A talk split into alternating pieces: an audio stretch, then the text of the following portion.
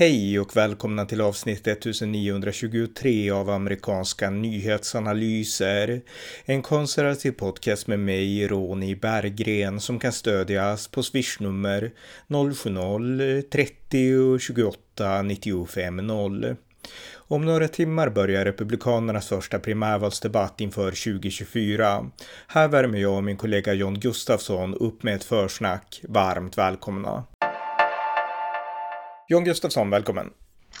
Eh, tack så mycket. Nu om bara fyra timmar och 20 minuter, det här spelas in klockan 22.40 svensk tid, så kommer den första primärvalsdebatten i eh, Republikanernas primärvalsrace att hållas.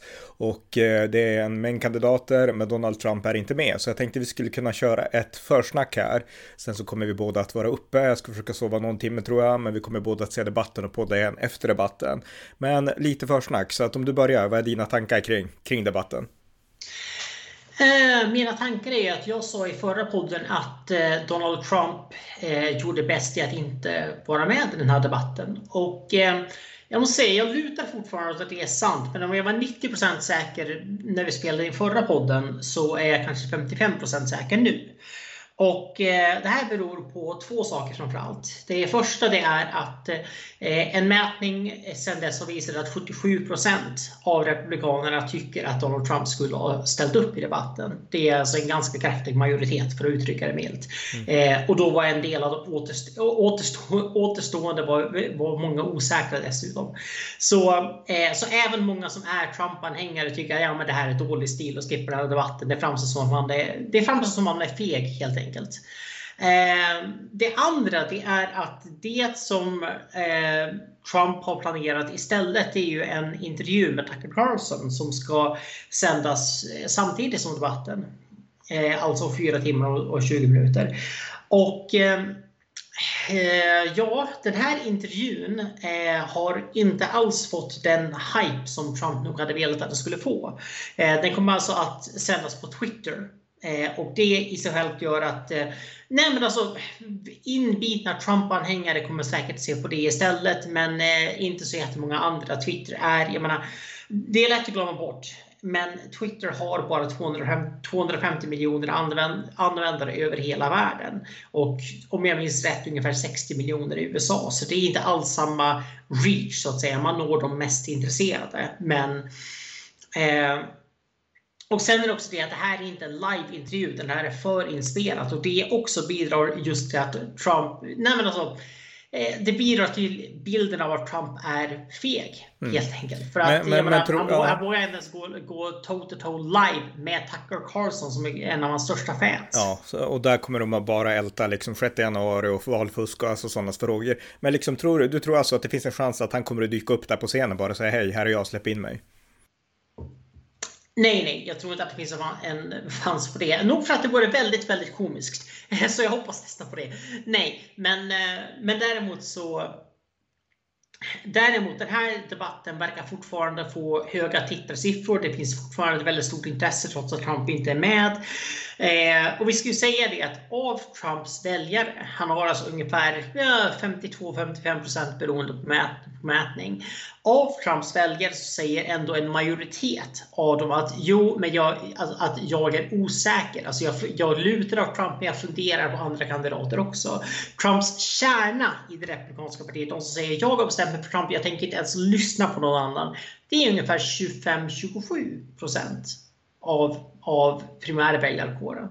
Mm. Eh, så och eh, nej, men jag tror säkert att de 25-27 procenten kommer att vara på Twitter ikväll och eh, skriva en massa eh, fina saker om Donald Trump och hans intervjuinsats. Men eh, ja, ja nej, men alltså, sen, sen samtidigt är ju det som det vi inte vet, för en debatt är väldigt avslöjande just när det gäller eh, kognitiv förmåga, om vi säger så. Eh, det är därför jag, det skulle inte alls förvåna mig om Joe Biden står över debatterna nästa år. Jag tror inte han vill ta den, den risken. Eh, nej men, eh, eh nej vi kan ju påminnas, påminnas om att eh, i första debatten mellan Ronald Reagan och Walter Mondale så hade Reagan flera ögonblick där han verkade helt förvirrad och tappade tråden helt och nyheterna nästa dag var är presidenten senil? Mm. Menar, det, det, här var 19, en... det här var 1984 kan jag bara säga. Ja, det var 1984. Och nu ska vi säga att eh, Reagan dog ju sedermera av Alzheimers och under hans andra mandatperiod så började det finnas tecken på hans senilitet. Och då var han inte alls lika gammal som vare sig eh, Trump eller Biden. Eh, men, men grejen är, sen andra debatten då vann Reagan överlägset så det löste sig till slut och han vann överlägset i valet. Men grejen är att det är en risk när man är gammal, även om man inte är senil. Och det säger inte jag att Trump är. Men bara det att Trump har inte samma pondus som han hade senaste gången han gick upp mot andra republikaner 2016. Han har inte den pondusen. Det såg man ju på hans tal där han kände av hans kampanj. Man ser det på hans tal nu där han tappar tråden flera gånger och börjar gå in i liksom sidospår på ett sätt som han inte gjorde, som han inte gjorde tidigare. Um, så jag, jag, jag helt enkelt, jag är inte säker beroende på, jag menar, det kan vara så att Trump helt enkelt hade blivit jag menar quote unquote avslöjad av att gå upp i en debatt mot åtta andra republikaner. Det kommer vara åtta stycken på scenen kan vi nämna. Mm. Eh, åtta andra republikaner. Det, det, är svårt att säga. Ja, eh, jag tror att jag tolkar det alldeles för långt. Utan jag tror att han trodde att det skulle vara en succé hos Tucker Carlson. Men om han inte dyker upp där på scenen så kommer han att sitta klistrad framför tvn hemma i Mar-a-Lago och titta och liksom verkligen gotta sig i vad de andra säger om honom. Så att eh, så ser jag på saken. Men om vi går in på den här debatten då med de här åtta kandidaterna. Eh, de åtta kandidaterna är, vi kan bara lista dem lite snabbt här. Det är Ron DeSantis såklart, Floridas guvernör. Det är Vivek Ramaswamy, den här affärsmannen. Det är Mike Pence, tidigare vicepresidenten. Det är Nikki Haley, tidigare guvernör i South Carolina. Det är Chris Christie, tidigare guvernör i New Jersey. Det är Tim Scott, senator från um, North Carolina. South Carolina. South Carolina, förlåt, förlåt. Och så är det Asa Hutchinson, tidigare guvernör i Arkansas. Och så är det uh, Doug Burgum då som har varit, som är guvernör i, i North Dakota. Så att det är de som kommer att vara med på debatten. Och eh, om vi börjar, vem håller du tummarna mest för? Eh, två personer kanske man kan säga. Eh, och eh, den ena är Ron DeSantis för att han är den som realistiskt sett har en chans att kunna vinna över Donald Trump. Och eh, ja, alla som har lyssnat på den här podden vet min inställning till Trump. Eh, jag stöder Republikanerna men jag, eh, jag tycker inte att man ska kasta bort ett väldigt, väldigt vinnbart val på att nominera Donald Trump. För jag tror att han är underdog mot Joe Biden. Ehm, och det är en av flera anledningar till att man inte ska nominera honom. Men, eh, men hur som helst så... Eh, eh, så den andra som jag håller på, och jag kan inte fatta själv att jag säger det här, den andra jag håller på är Chris Christie. så Eh, nej men Chris Christie eh, var den första, första stora, om man säger så, republikaner och första tidigare kandidater som endorsade Trump eh, 2016. Han ställde upp 2016 också. Eh, men eh, när han drog sig ur racet när primärvalet fortfarande pågick så Eh, så endorsade han Trump, eh, höll ett rally för, för Trump. Han, eh, nej men han, han, var, han var kort sagt väldigt Trump-positiv just då. Eh, många tror att det var i hopp om att bli vicepresident. Men eh, ja, så blev det inte, vet vi. Nu så är Chris Christie den republikan på scenen eh, som är, har varit allra vassast mot Donald Trump. Alltså den, den personen som, som du kan få höra säga, säga att Donald Trump är landsförrädare. Han försökte, han försökte ställa till med en statskupp. Alltså den personen är Chris Christie. Ingen annan kommer säga det. Eh, och eh, ingen annan kom, kommer att driva med Trump. Ingen annan kommer göra det. Eh, men Eh, förutom möjligen, nu ska vi se om vi ska dela upp eh, om vi ska dela upp lite debattscener kan man väl säga så här att eh, eh eh så kan vi säga att vi har eh, Chris Christie och Asa Hutchinson som är så att säga Trump-kritiska republikaner. Och eh, Hutchinson har, har också varit väldigt tydlig med att han kommer inte ens rösta på Trump även om Trump är den som är, eh, blir republikans, eh, republikansk kandidat. Det kommer inte Chris Christie heller har han sagt. De har båda skrivit under på att de kommer att stödja republikansk kandidat men de har sagt samtidigt att eh, ja, det var bara för att få vara med, vara med i debatten. Eh, ja, men hur som helst. Nej, men där är vi de, liksom, den Trump-kritiska, den fjärde delen av scenen som är öppet liksom kommer attackera Trump. Men Hutchinson är en sämre retoriker än Christie. Eh, och Christie är, ja, men Christie är tidigare åklagare. Han kan, han kan det här med att debattera. Han var, krossade Mark Rubio i kampanjen 2016 i en, i en debatt där för de som, för de som minns det. Mm. Eh, och ni som inte minns det kan, kan söka på Youtube efter Christie Rubio, Rubio 2016 så hittar ni det. Mm. Eh, så, så, sen så har vi, jag menar, Vivek Ramaswamy andra sidan som är Trump-fanboy för att han ställer upp för att bli vicepresident. Eh, och eh, han är ju den som har försökt Eh, nämligen som försökt, försökt verkligen eh, eh, bli tillskansa sig Trumps kärnväljare, vilket han gör genom att dels försvara Trump mer än han promotar sig själv eh, och dels genom att promota en massa konspirationsteorier. Nu senast de 11 september-attackerna. Mm.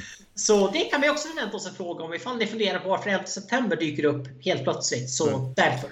Ja, eh, intressant. Alltså mina, jag har ju hållit på Ron DeSantis under lång tid för jag har precis som du ansett att han är det eh, starkaste kortet att eh, sparka ut Donald Trump och eh, han är också den starkaste kandidaten att kunna besegra Joe Biden. Men jag tycker ändå att han har gått alldeles för mycket, alltså han har blivit för populistisk, Ron DeSantis, och han har ju blivit alltså Trump light i det här primärvalet. Jag menar, han är en jättebra guvernör i Florida, han gör väldigt mycket bra, men här kör han verkligen Trump light-racet och han har samma inställning till kriget i Ukraina som Trump och han är liksom, ja, jag tycker tycker på något sätt att han, han räcker inte till. Alltså vill man konkurrera med Trump så måste man vara mer än bara liksom Trump light. Och det är det jag tycker att Ron DeSantis är. Så att han är inte liksom, ja, jag håller på honom lite grann såklart, men liksom det är inget så här wow, Ron DeSantis. Utan den kandidat som jag och Chris Christie är absolut en bra retoriker, jag har alltid gillat honom.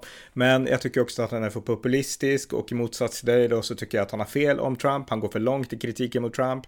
Så att eh, den jag håller på är Mike Pence faktiskt i den här debatten. Nu tror inte jag att Mike Pence skulle ha någon chans alls mot Joe Biden, eller det vet jag inte, men alltså eh, Mike Pence är i så många avseenden en svag kandidat, det är helt uppenbart. Men han har liksom rätt grundläggande åsikter eh, gällande de här stora världsfrågorna och gällande liksom synen på det republikanska partiet, synen på hur USA ska vara uppbyggt och han är också en person med exakt rätt erfarenhet. Han har den exekutiva erfarenheten från liksom ja, det, det högsta beslutande ämbetet i världen liksom. Förutom då Plus att han har varit guvernör. Mm, ja, men det också. Så att, eh, ja, alltså jag håller på Mike Pence helt enkelt. Eh, ja, jag kan, jag kan säga så här. Jag skulle kunna eh, komma till freds med Mike Pence som, som republikanernas kandidat. Jag skulle kunna acceptera det. Men, eh, men med det sagt eh, så Eh, nej men alltså mitt... Eh, eh nej men alltså jag, jag, också, jag, menar, jag är besviken på DeSantis kampanj. Jag tror som sagt att han har försökt komma åt de så att säga 27, 25, 27 procenten orubbliga Trump-supporters på bekostnad av de övriga tre fjärdedelarna. Och eh, det funkar inte. Och eh, jag tror att den här debatten kommer bli väldigt talande för om DeSantis Nej men alltså om DeSantis har en chans helt enkelt. För att det DeSantis ska göra om man vill vinna den här debatten så är det ju jag menar, när det gäller Ukraina ska vi säga att DeSantis har inte gått lika långt som, som, eh, som Donald Trump eller som Vivek Ramaswamy för den delen. Eh, utan han har egentligen mest sagt ja, vi måste hålla koll på vart de här pengarna tar vägen ungefär. Han har inte sagt jag menar, bu eller bä riktigt. Däremot så finns det ju Ukraina-anhängare som eh, på scenen och där ingår ju just Mike Pence, eh, He Nick Haley, Chris Christie, de är alla väldigt varma, eh, Tim Scott, alla varma anhängare av Ukraina. Så det kommer säkert bli en, ett, en het fråga och där får DeSantis också en chans, om han kan, att utveckla sin position till någonting mm. som låter praktiskt. Eh, men eh, Eh, men i alla fall. Eh, nej men sen, sen, eh, sen, det som DeSantis ska göra det är ju att jag menar, han, de, de väljare han kan vinna med kulturkrig, de har redan vunnit. Så det han måste göra nu det är att påpeka, jag menar, Floridas ekonomi går jättebra, går mycket, mycket starkare nu än USAs. Arbetslösheten är lägre än riksgenomsnittet. Eh, och, eh, eh och helt enkelt påpeka jag menar, att det här med Disney har blivit lite av en, eh, alltså hans fight med Disney det har ju blivit lite av ett att eh, det går lite halvbra för Disney har, eh, eh, Disney har miljarder att anställa advokater för.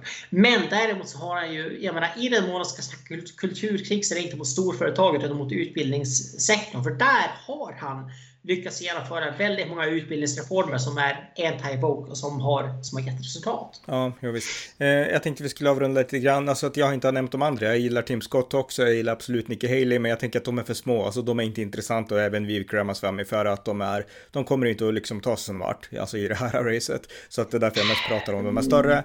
Eh, ja, ja. Och, och, sen, och sen kan vi också, sen kan vi också säga att jag menar, man kan, det är mer intressant att prata om med undantaget av Ramaswamy, det är mer intressant att prata om de kandidater som verkligen kandiderar till, till president och det intrycket, de kandidater som har vägrat kritisera Trump. Eh, och menar, nu säger inte jag att man ska säga att menar, Trump är skyldig till, till liksom, eh, brott, till liksom, eh, att han är brottsligt skyldig eller någonting. Men just att man ändå säger här, därför är jag bättre än Trump. Den frågan måste man kunna svara på. Annars så ska man inte kandidera mot Trump. Mm. Så kandidater som bara undviker den frågan och liksom duckar och duckar och duckar hela tiden. Det känns som att de kandiderar för att bli Trumps vicepresidentkandidat. Mm. Inte för att bli, verkligen bli presidentkandidaten. Nick Haley i synnerhet har gett det intrycket. Men de kanske kan ändra på det. Vem mm. vet? Mycket bra poäng. Eh, men jag så. tänkte också då, vilka frågor vill du ska debatteras här? Därför att i primär primärvalsdebatterna så är det ofta mycket, det brukar vara mycket intriger, mycket pajkastning och sådär och man angriper den ena och den andra och eh, det kommer garanterat att göras här också och man kommer såklart att älta åtalen mot Trump 6 januari säkert kommer det komma upp, kanske de här konspirationsteorierna 9-11 och så vidare. Men jag skulle vilja säga en debatt som ändå liksom diskuterar de stora frågorna, diskuterar liksom gränssäkerheten mot Mexiko, diskuterar kriget mot Ukraina, eh, eller kriget mot Ryssland, kriget i Ukraina och eh, som diskuterar Kina till exempel och diskuterar världshandel och sådana saker. Alltså, jag skulle ha de stora frågorna, men jag tror inte att vi kommer få se så många sådana. Eh, du, kan, du kan ha rätt. Eh, ska säga att Fox News har haft ett par bra debatter tidigare som jag minns det, som har varit så att säga Jag tänker att det är för tidigt men... i Ja, så Fox News är jättebra, men jag tänker att det är för tidigt i primärvalscykeln för de frågorna. Nu vill de hacka på varandra mest. Skulle jag tro. Ja, snarare så tror jag att jag tror att det kan bli förutom kanske Chris, förutom kanske Chris Christie och, eh, och Hutchinson så tror jag att det blir alla mot DeSantis. Eh, och det här går in på det jag berättade om i förra podden, att det kan vara viktigt att ta andra platsen i primärvalet, även om man tror att man inte kan vinna mot Trump. Skulle någonting hända Trump som gör att han inte kan kandidera, om det är så en, en fängelsedom eller en hjärtattack, eh, så är den som, den som är tvåa i antalet, antalet vunna röster eller antalet delegater. Den personen har ju ett, eh, ett starkt mandat för att säga nu är det jag som ska bli presidentkandidat. Mm. Men eh, Nej men, alltså jag skulle, nej men alltså jag skulle också vilja säga de frågorna, och särskilt de frågorna där det är eh, jag menar, frågor som Ukraina, väldigt viktigt. Eh, vad gör vi om Kina invaderar Taiwan? Stöder vi? Jag menar, för att många av de som säger att, jag menar, vi, vi har inte, många av de som är emot att USA stöder Ukraina har sagt att de, eh, att de kommer att Eh, att de vill att man ska fokusera på, på Kina. Att vi kommer inte kunna, det blir ett tvåfrontskrig om, om Kina attackerar Taiwan och vi är uppbundna i Ukraina. Mm. Eh, så då blir det intressant. Så okej, okay, så, så krig med Kina om de attackerar Taiwan då? Okej? Okay. Eller? Eh, sen, sen skulle, sen Eh, nej men sen, den absolut första frågan i, debatt, i debatten, eh, det bör vara hur är du bättre än Donald Trump? Mm. Det är liksom inte varför kan det hur är du bättre än Donald Trump? För det är det som alla funderar på. Många känner liksom att jo, men den där personen är väl vettig, men liksom ja, men jämfört med Trump när du kan ha en tidigare president, var, varför skulle du välja en, en guvernör liksom? Mm. Eh, och en annan sak, vem vann valet 2020? Just det, den frågan ja. Mm.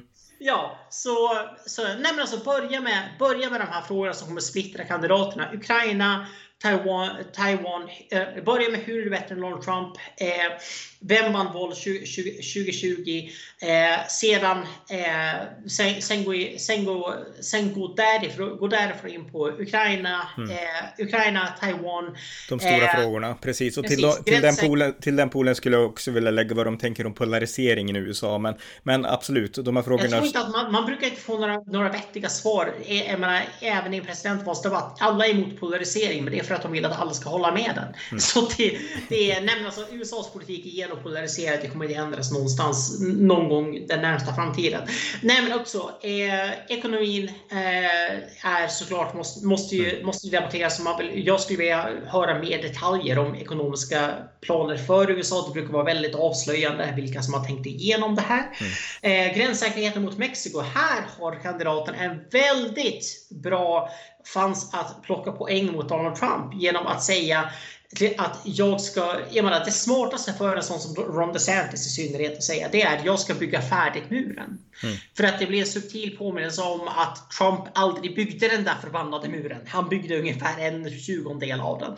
Eh, så, eh, nej men alltså, murbygget. Eh, ja, jag var en av många som sa att det här var inte effektiv gräns, gränskontrollspolitik. Jag, jag, skulle säga, om vi avrundar, jag skulle säga att det funkade jättebra. Men vi kan, vi kan lämna den diskussionen nu. Men, men jag tänker så här, vi avrundar nu. Det här är lite försnack inför debatten som börjar om fyra timmar och eh, vi återkommer efter debatten helt enkelt.